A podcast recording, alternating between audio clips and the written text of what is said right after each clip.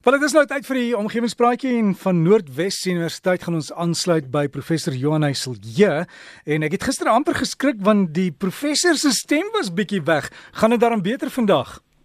Goeiemôre Derek, môre al die omgewingsvriende. Ja, wat Derek, ons is weer terug tot volle sterkte vanoggend. Ja. Dit gaan goed. En ehm um, die omgewing, hoe lyk ons omgewing in die land en in die wêreld? Derek, nou ja, dit is vanoggend 'n uh, bietjie 'n ander tema op die omgewing. So ons gesels oor onopsetlike blindheid mm -hmm. en hoe dit ons omgewing impakteer. En ek het gedink as vertrekpunt moet ek dalk net gou verduidelik dat onopsetlike blindheid is wanneer ons aandag so verdeel word in 'n komplekse omgewing dat daar dan minder gefokus word op voorwerpe wat nie verband hou met die primêre taak nie.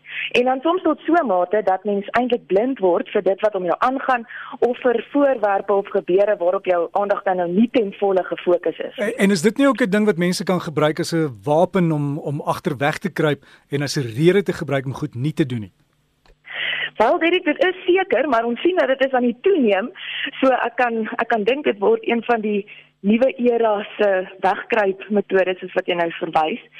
Ehm um, maar hierdie omgewingspraatjie tema het eintlik ook so heel onopsetlik of toevallig tot stand gekom toe ek nou verlede week besig was om op te lees en bronne en data te raadpleeg oor die finansiële voordele van bome, nê, waaroor ons praatjie van verlede week mos gehandel het.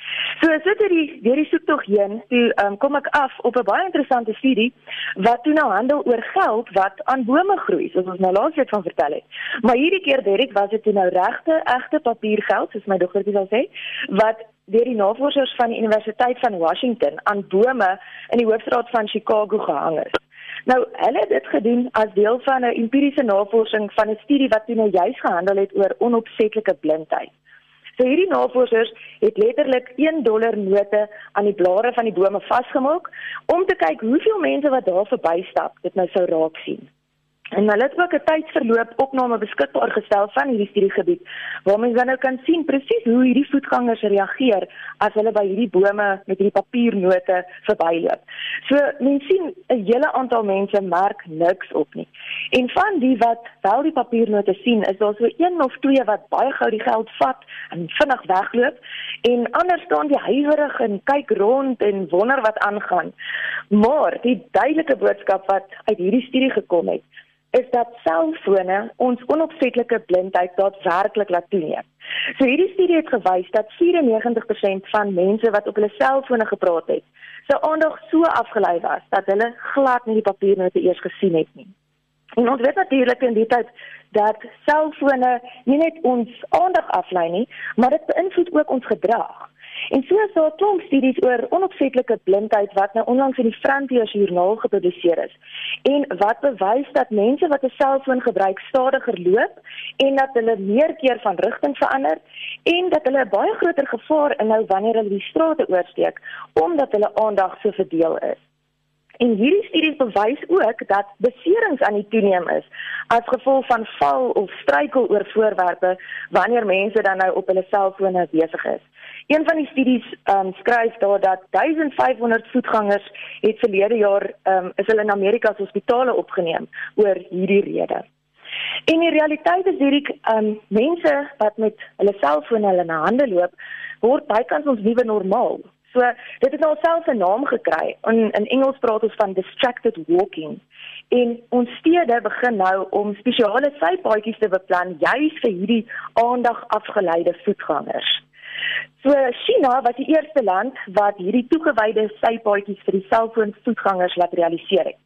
Nou hulle het 'n gedeelte van 'n sypaadjie geoormerk spesiaal vir selfoongebruikers wat dan nou wil praat of wil tik of loop teen 'n wisselende spoed en dan die ander deel van die sypaadjie geoormerk vir voetgangers wat vinnig en doelgerig by hulle bestemming wil uitkom.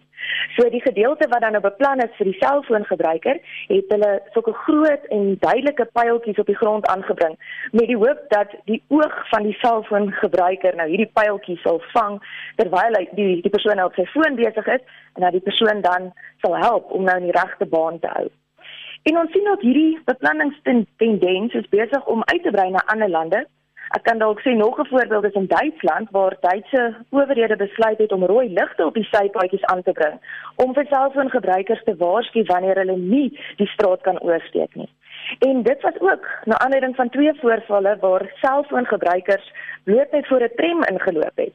En die Duitse owerhede het besluit Nee, dit is in die beste belang van die publiek om hierdie ligte teen die sypaadjies aan te bring en so te ontwerp dat die ligte dan nou flikker wanneer mense nie mag oorsteek nie of oorstap nie met die hoop dat dit meer aandag trek en dat voetgangers wat op selfone besig is meer bewus geword gemaak word van die gevaar. So onopsetlike blindheid, dit word natuurlik 'n groter en 'n groter probleem binne ons omgewing, veral omdat meer mense toenemend afhanklik word van hulle fone. So ek glo ons sal sekerlik in die toekoms meer van hierdie inisiatiewe sien en um dit alles om maar veiliger voetgangerareas te verseker. Dis so net so 'n stong in die kies as groen gedagte Derek ons moet onthou om se nou en dan maar op te kyk vanaf ons selfone en te waak teen onopsetlike blindheid want ons mag dalk net die gelukkige persone wees wat geld aan bome sien hang. Professor baie dankie en ek sien dit baie keer op die paai as jy bestuur dan toets die mense jou hart my hart my hart moenie op jouself aan kyk as jy bestuur nie. Verseker Derek dit is 'n baie groot rede sodat dit alles te maak met hierdie onopsetlike blindheid en die aandag wat net heeltemal afgelei word. Al so gesels ons dan oor die omgewing, die omgewingspraatjie aangebied daar saam met professor Johan Heiselje van Noordwes Universiteit. En as jy enige idees het oor waar ons kan gesels in die omgewingspraatjie, jy's welkom gaan kyk op hulle Facebook bladsy Omgewingspraatjies. Hou van die groep en plaas die inligting daar en jy kan ook e-pos as jy navraag het, is uh, omgewingspraatjies by gmail.com. Omgewingspraatjies by gmail.com.